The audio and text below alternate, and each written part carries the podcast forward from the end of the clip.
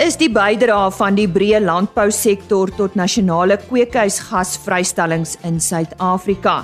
Ons fokus hoofsaaklik op die veebedryf en gewasverbouing. Dit is vandag se fokus op RSG Landbou. Goeiemôre en baie welkom by vandag se program.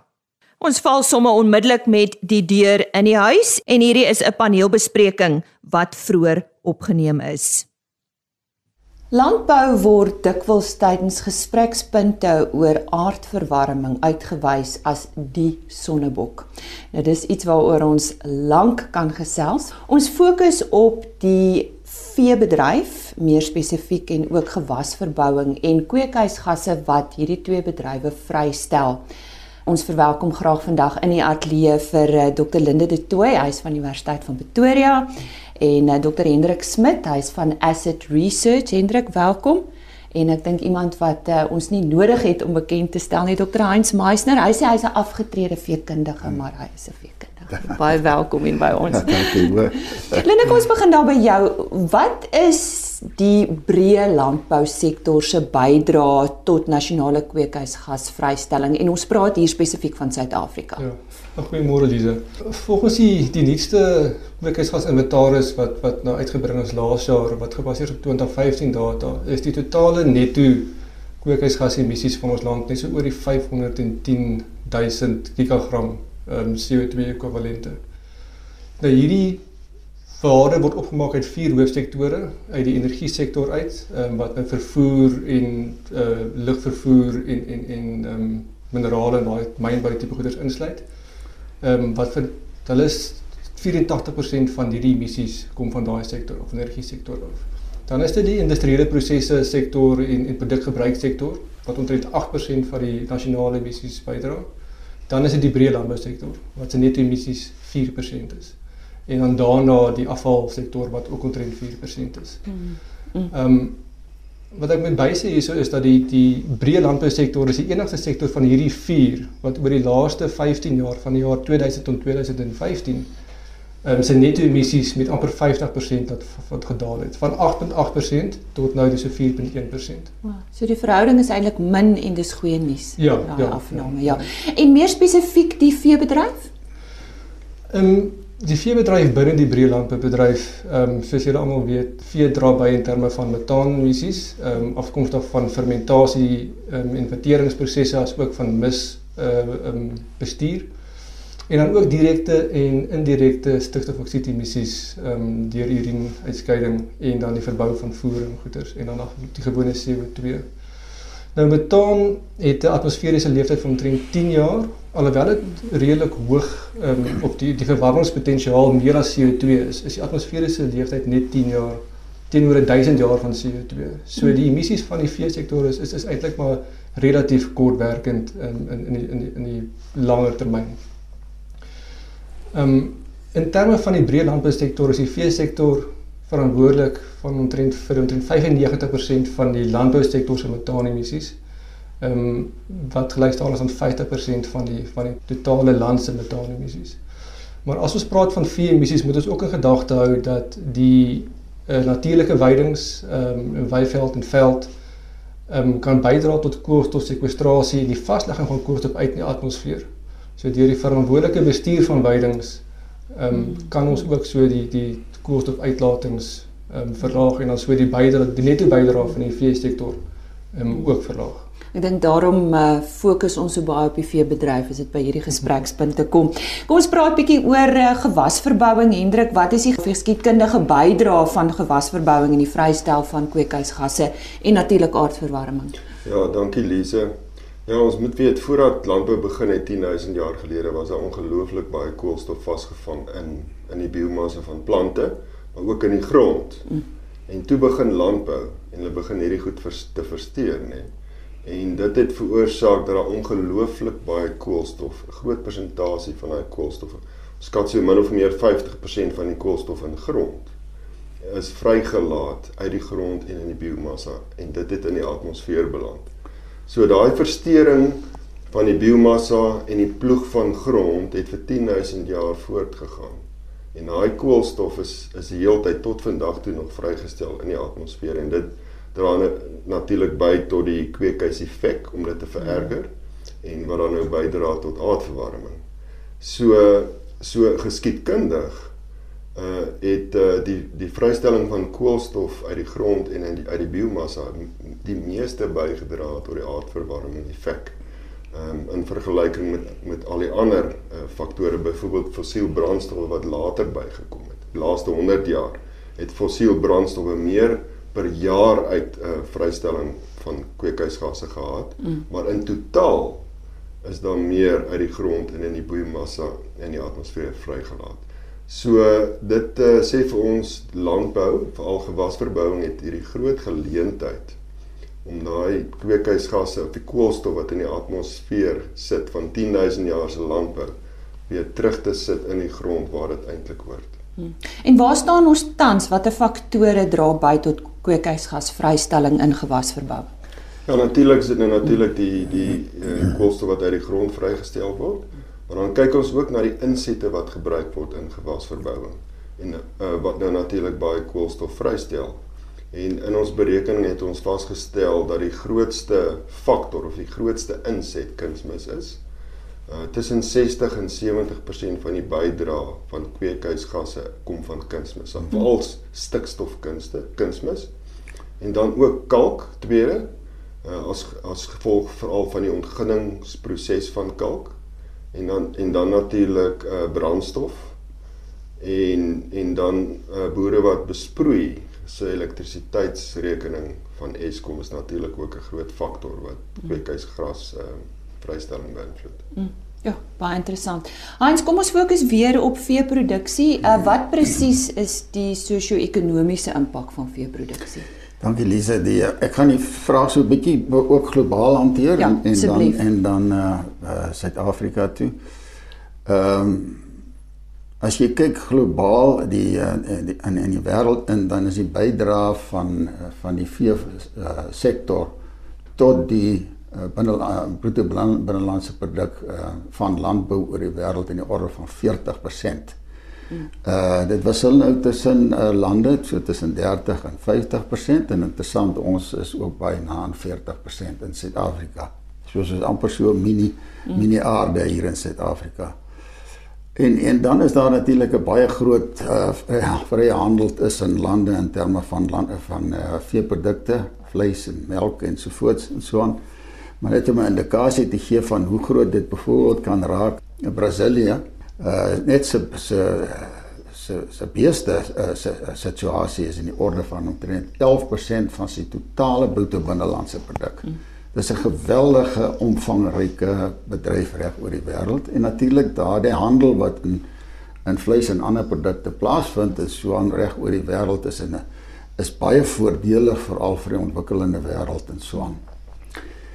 Uh ander faktors sosio-ekonomies ek dink wat uh, wel belangrik is want van die kritiek wat ons nou altyd kry rondom die beginsel dan van van vee wat nou kweekhuisgasse ensovoorts veroorsaak is dat uh, dat die, die die die vraag maklik omgesit word na die punt om te sê maar hoekom produseer ons nie net eenvoudig uh, groente en, en vrugte en so aan en dat die mense dan eintlik daarmee eet nie Nou daar's 'n paar faktore daaraan verbonde. As 'n mens nou byvoorbeeld kyk na die ontwikkelende wêreld wat op hierdie stadium natuurlik in terme van voedselsekuriteit die grootste probleem is in die, op die aarde, dan sal jy opmerk dat die meeste van daardie lande is in uh is in relatief droë streke wat water natuurlik beperkend is en in ons het vir groente en vrugte verbouing en sovoorts het ons water nodig as 'n mens nou hier van ons kant af kyk uh uh in uh, basies eintlik tot dis kan die ewenaar en dan aan die ander kant die Sahel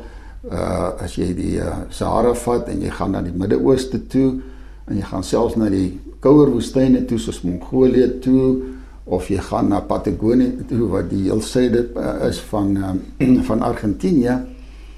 Dis die enigste plekke eintlik onherbergsame plekke in so aan wat jy eintlik landbou kan beoefen deur aan diere gebruik te maak want jy kan nie vrugte en groente ja, daar nee, produseer nie dit is mm, ja. Mm, mm. So dit gee die geleentheid dat daar 'n uh, inkomste is, dat daar sekuriteit, voedselsekuriteit kan wees, dat daar werkgeleenthede kan wees en so aan.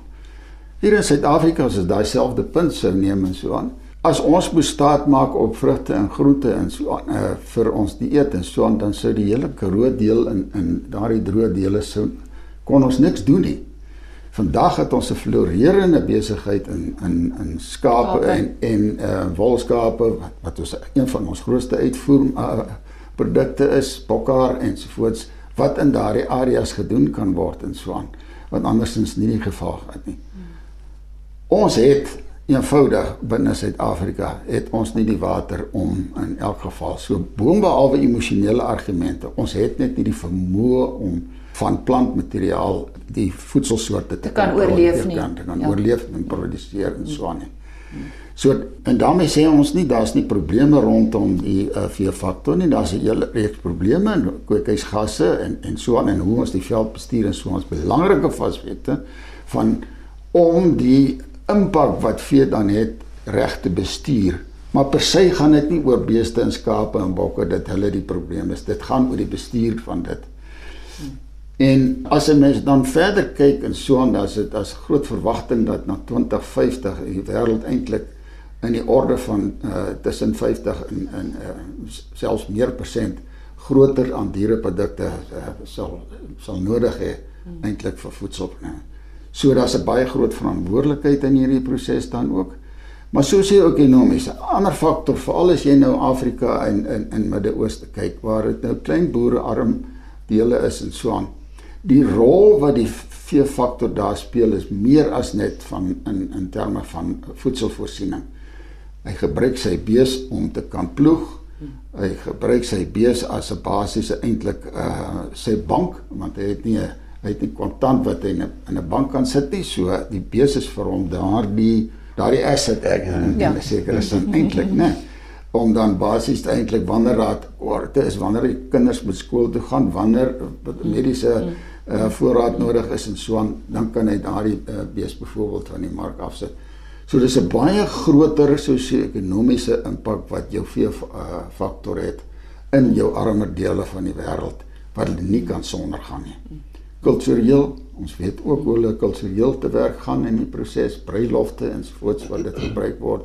So dit is die grootste mate van sosio-ekonomiese selfstandigheid wat hierdie lande en en mense dan eintlik uh, bevoordeel. Soos hulle sê as jy die groter prentjie het dan verstaan jy dinge beter. Ja, Baie dankie. Moenie weggaan nie as ons terugkom dan praat ons oor wat kan jy byvoorbeeld as 'n uh, veeprodusent doen om jou koolstofvoetspoor te verminder. As jy nou eens by ons aangesluit het, goeiemôre. Jy is ingeskakel by 'n paneelbespreking wat ons uh, vroeër opgeneem het oor die landbousektor se bydrae tot kweekhuisgasvrystelling in Suid-Afrika en ons fokus bietjie meer spesifiek op veeproduksie en gewasverbouing. Welkom terug by ons gesprek oor aardverwarming en die landbousektor se rol. Maar kom ons praat so 'n bietjie verder Linde. Wat kan veeboere en produsente doen om hulle koolstofvoetspoor te verminder want ons het nog steeds nodig om dit te doen? Ja, nee nee definitief en ek dink die eenvoudige antwoord dit is is om doeltreffendheid van produksie te verhoog. Hmm. Dit dit dit is die breë antwoord daarvan. Ehm um, en dan deur middel van dit ook jou intensiteit van koolstofemissies per diereproduk, per kilogram vleis of per liter melk of so um, dan te verlaag. Maar as ons ook nou kyk 'n bietjie teruggaan soos beide die kollegas nou ook bietjie teruggegaan het in tyd, geskiedenis oor die laaste 40 jaar of so het veeprodusente konstant hulle produksie verhoog. In ander woorde, vir die laaste 40 jaar die data wys het ons noem ons waardig waar die koolstofvoetspoor van die vee sektor verlaag die intensiteit van die koolstofvoetspoor verlaag. Ehm um, van die 80s af tot omtrent nou toe hierdie nasionale beeskudde basies konstant gebly. Ek hmm. dink ons is op net so onder 13 miljoen beeste as ek nie verkeerd is nie. Maar maar maar beesvleisproduksie het met het met ehm um, 20% gestyg. Uitsluitende die beeste wat nou kom van Namibië, Botswana af in die voerkrale in. So dis 'n dis 'n groot verbetering. Die skaap nasionale skaap en bokkere het met amper 35% verlaag oor daai tydperiode, daai laaste 40 jaar so. Hmm. En en en uh klein vee vleisproduksie het omtrent net maar met 10% geval. So dis ook 'n baie groot verbetering. Wolproduksie is ook is is ook op ehm um, um, ja. Hmm. Ehm um, die kommersiële melksektor is ook enetjie waar ons nou moet na moet kyk is ehm um, die laaste 10 jaar het die data van Melk SA gewys dat die dat die aantal melkprodusente ek dink is 40 of 43% verlaag. Verminder het. Mm. Maar die totale melkproduksie het met 20% gestyg. So die so die veesektor is konstant besig om hulle koolstofvoetspoor of die intensiteit van die koolstofvoetspoor te verlaag. Mm. Maar maar om terug kom na jou vraag toe, wat boere kan doen deur doeltreffendheid te verhoog, is om te kyk na beter voedingsbestuur. Dit kan hulle doen deur gebruik van van van strategiese supplementasie um, in jou ekstensiewe gebiede, beter weidingsbestuur, ehm um, die gebruik van regte veeladings. Ehm um, die gebruik van die industrie se se se hulpmiddels in terme van wetenskaplike geformuleerde rantsoene insluiting van rumen fermentasie produkte wat die fermentasie modifiseer wat jou energieverbruik dan sal verbeter en sou ook jou metaan emissies sal verlaag. Genetiese seleksie, weet die seleksie van diere wat meer produktief is, wat meer vleis produseer en melk produseer deur minder te eet. Ehm um, daar's goeie navorsing daarop gedoen word op die oomblik en dan ook veral in die opkomende sektor beter gesondheidsbestuur. Ehm um, deur deur die reproduksie van die diere te kan verhoog, so verlaag as ook ons koolstofvoetspoor van die van die van die industrie. En dan of jy terug toe kom na die na die veidings uh die, die regte veidingsbestuur, verantwoordelike veidingsbestuur, veldbestuur, die gebruik van van verskillende. Ek dink Hendrik sal 'n bietjie meer daar gesels nou ook wat so die koolstofvaslegging van die van die ekstensiewe dele kan kan verhoog en so die totale bydrae van die veesektor ehm um, verlaag en dan so die die, die veesektor meer omgewingsvriendelik te maak. Dit was nou die veeprodusent Hendrik, kom ons gaan so 'n bietjie na die gewasprodusent toe. Sover uh, gewasverbouingspraktyke betref, wat kan aangespreek word? Wel, die eerste ding wat boere kan doen is natuurlik om daai insette te verminder wat uh, aanleiding gee tot koolstofvrystelling, né? Eerste groot ding is kunsmis. So ons moet alles probeer om om kunsmismeel meer doeltreffend te gebruik, soos Linde gesê het, maar ook te verminder. En uh, ek sal nou nou uitkom by hoe, hoe wat wat die faktore is in die praktyk om dit te doen. Dan die tweede belangrike beginsel is om plante te gebruik om koolstof uit die atmosfeer uit af te trek weer terug in die grond. Ons noem dit koolstofvaslegging.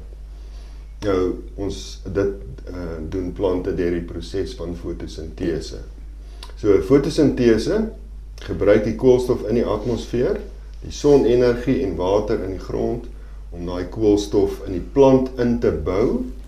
Maar wat belangrik is, omtrent so 40% van daai koolstof wat die plant dan nou uh in in homself bou uit die atmosfeer uit word deur die wortels vrygelaat in die grond in. En dit voed die grondbiologie en daai grondbiologie uh gaan dan deur verskillende prosesse om koolstof in die grond uh, te bou. So dis hoe koolstof uit die atmosfeer uit vasgelê word terug in die grond waar dit hoort. Mm.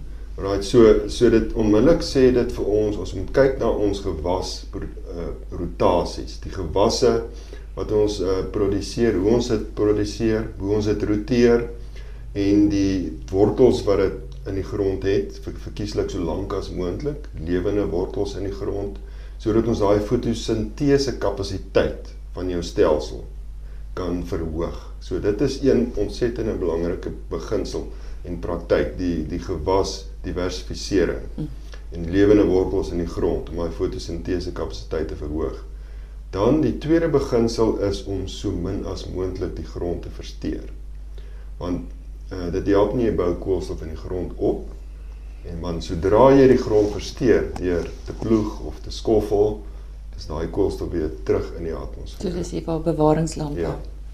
So minimale grondversteuring deur 'n uh, minimum of geen bewerking is die enigste manier. Want die ander rede ook as jy jou grond begin versteur, dan begin daai afwaartse spiraal van grond agteruitgang. Natuurlik die koolstof het jy nodig om jou grondgesondheid te bou. Die ander beginsel wat hiermee saamgaan is uh, om jou grond te bedek met 'n permanente organiese laag, met oesreste of dekgewasse. En die dekgewasse is natuurlik ook 'n groot uh, faktor of 'n uh, of 'n uh, to, uh, toerusting wat jy kan gebruik in jou gewas uh, diversifisering. En natuurlik dan gebruik ons die die vee komponent ehm um, om om dekgewasse ordentlik te bewy uh, as 'n rotasie tussen kontantgewasse en dit versnel natuurlik daai koolstofvasleggingsproses. So daai mm. integrasie van plante vee is ongelooflik belangrik. Mm. So dit natuurlik hierdie beginsel saam praat ons van bewaringslandbou beginsels as ons dit kan regkry in 'n konteks, het dit 'n reuse impak. Nie net om die insette te verminder nie. Ons sien dat daar 'n reuse afname is van insette en ook dan nou eh, kweekhuisgasse van konvensionele bewerkingspraktyke na bewaringspraktyke. En dan ook dat daar 'n 'n baie goeie eh, stygings is in terme van koolstofvasleggingsvermoë vanaf konvensionele bewerking na bewaringslandbou praktyke. So daai kombinasie van minder kweekhuisgasse en meer koolstof vaslegging is presies wat ons soek en dit kan jy net deur be, uh, bewaringslandbou doen. Kan ek ietsie byvoeg? Jy is welkom. Uh, ek ek dink die die ander beginsel uh en ek het nou daaraan geraak oor die dekgewas en die feit dat jy met vee dan dit uh, kan bewy in die proses. En die die impak daarvan kan redelik dramaties wees op die ekonomie van die hele omset. Want nou het jy 'n situasie van jy's eintlik 'n gewasproduksie persoon en nou kan jy eintlik met beeste of met ander vee kan jy inbring en mm. daardie uh en daai gewasse uh, bewy en so aan. So dit het 'n baie stabiliserende en selfs 'n 'n verhoogde inkomste wat jy eintlik van daardie eenheid kan kry. Mm. Ander punt wat ek net wil uh, tog aanraak want dit is 'n groot bekommernis uh vir my persoonlik en dit is die uh die feit as ons nou stikstofbemesting doen en met chemiese stikstofbemesting dan is is die oormaat daarvan wat nie vasgelê word in die, in die plante self nie gaan in stikstof uh dioksied. En stikstofdioksied is een van die belangrikste klimaatsveranderende gasse in son. Want hy is uh in terme van die van sy verwarmingspotensiaal lê hier by amper 300 keer koolstofdioksied in die in die atmosfeer. Mm. En uh die ander neeweffek van hom, hy's hy's regtig 'n situasie waar jy kan die ozonlaag afbreek en so aan. So dis 'n dis 'n negatiewe effek wat ons verder ook moet bestuur. Eens maar ons wil ek wil verder met jou praat oor die feit dat ons in hierdie tyd weet dat vleisproduksie in sekere groepe heelwat weerstand ontvang. Hmm. Wat spesifiek is die rol van mensgesondheid van dierevoedsel? Goed, basies daar twee aspekte. Die een aspek gaan oor die nutriëntinhoud van die uh van vleis. As ons dan nou net vleis maar dieselfde geld eintlik alle diereprodukte, maar kom ons bou dit by vleis. Ons sê dat uh vleis is uh voedingsstofdig. En wat dit eintlik beteken is dat jy konsentreer al die voedingsstowwe, die elemente soos nou mineraalelemente, vitamiene ensovoorts is gekonsentreer in in vleis. Soos ek 'n kilogram vleis nou sou neem, sal dit baie meer nutriënte hê en energie en proteïen daarin as wat ek nou 'n kilogram sê nou maar 'n groente het in die proses in. Dit wil sê jy het baie minder nodig om in te neem om aan jou voedingsbehoeftes te voldoen. Mm. En dan is die verdere voordeel daarvan, dit is 'n uh, dis gebalanseerd in die verhouding wat dit normaalweg in die mensliggaam voorkom. Dit beteken as ek nou die proteïen uh molekuul vat en ek breek hom af en ek vat die aminosure wat daarmee gaan, daai aminosure is so gerangskik dat dit presies soos wat in jou liggaam is en ons sê dis hoë biologiese waarde dan daarvan. Uh omdat dit af en self ook in soogdier is wat ter sprake is wat ons hiervan praat. Nou sit jy ook aan die kant uh, van uh, van plante materiaal. Dit sê nie die plante het nie basies nutriënte nie, hulle het en het aminosure het alles, maar dit is nie noodwendig in die regte verhouding nie soos wat dit deur jou liggaam benodig word nie. En die tweede aspek daarvan is dat baie van die nutriënte, veral minerale en so aan, is vasgevang in 'n struktuur van vesel in plante. Nou ons liggaam kan nie werklik vesel verteer nie, soos wat 'n dier kan vesel verteer. So hy hy breek nie werklik dan eintlik af nie. So in baie gevalle dan is die beskikbaarheid van daai uh, al is daardie mineraal daarso byvoorbeeld kan hy nie deur die liggaam benut word nie. So indien jy dan 'n persoon is wat vegetaries of veganisties is in die, in hierdie opsig en so aan en jy eet dan nou net basies eintlik plantmateriaal, dan beteken dit sal jy met twee dinge doen. Die een is dat jy ehm um, baie moet supplementeer, ekstra moet supplementeer uh en groter volumes moet met uh, moet inneem wat wat nie moontlik is nie. Die voordeel vir die dames wat nou uh eintlik dan nou wil uh, gewig verloor uh as jy plantmateriaal en sy maklik gewig verloor in effek eintlik want jy kan nie eenvoudig nie genoeg, genoeg inneem nie. Maar dit gaan oor die gesond wees ook wat saam met die gewig verlies van. Die ander aspek wat ek dan net uh, wil aanhaal is dat daar uh, word so dikwels gesê dat die diereprodukte hou verband met hartvaskiektes met emboliese kanker ensovoorts. Dis wat baie keer in die literatuur gebruik word in die populêre pers en so aan daar's op hierdie stadium geen maar geen getuienis dat dit enigstens verband hou met mekaar nie. So as dit gaan oor vatbaarheid vir hartvaskiektes, vir insulienweerstandbiedendheid uh ensovoorts kankervorme net dan gaan dit meer oor hoeveelheid wat ingeneem word.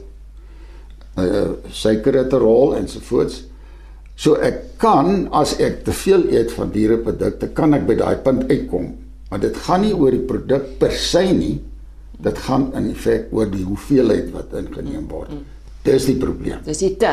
Ja, dis die te. Dis die te. Verseker. Menere, 30 sekondes, ons moet ons afsluit. Ag ja, dink dankie vir die vir die vir die, vir die program. Ehm um, kortliks dink ek is belangrik om te onthou dat die dat die landbousektor 'n baie klein bydrae tot die nasionale emissies het en dan ook die enigste sektor is wat wat ehm um, nie net emissies verminder nie, maar ook kan koolstof weer vas lê soos Hendrik nou baie mooi verduidelik het. Hendrik?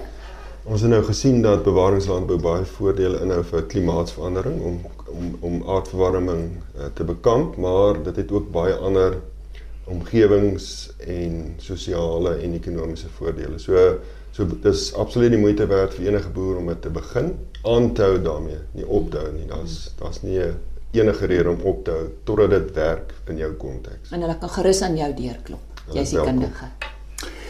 Ja, ek ek ek dink hulle het eintlik uh, gesê uh, wat wat gesê word en dit dit gaan oor verantwoordelike bestuur op en, en uh, van waarmee is. Ek dink ons moet wegkom van die argumente van uh of plante of diere of uh, te mekaar en so aan. Dit gaan oor die bestuur van van al twee aspekte en so voorts. Ons kan ook in terme van uh, plantproduksie vir uh, voedselvoorsiening daarvan baie doen in in, in wat ons nog nie doen nie en en dieselfde aan die dierekant. Maar ek dink die debat wat wat so negatief is, moet ons nou regtig maar los. Kom ons bestuur die ding reg. Nou ja, dit was dan 'n gesprek wat ek gehad het met Dr Linde de Tooy van die departement veekunde aan die Universiteit van Pretoria. Dr Hendrik Smit, hy is bewaringslandbou fasiliteerder by Asset Research en professor Heinz Meister, natuurlik 'n veekundige, maar hy is ook verbonde aan Melk SA. Indien jy graag weer na hierdie bespreking wil luister, die volledige program word op die RSG webtuiste as potgooi gelaai. Jy kan ook www.agriorbit.com raadpleeg daar word hierdie program ook as podcast gelaai. Dit is dan die opskrif bo aan die bladsy onder podcast. Soek net vir RSG Landbou en vandag se datum. Ek sluit af met ons e-posadres. Dit is rsglandbou@plaasmedia.co.za.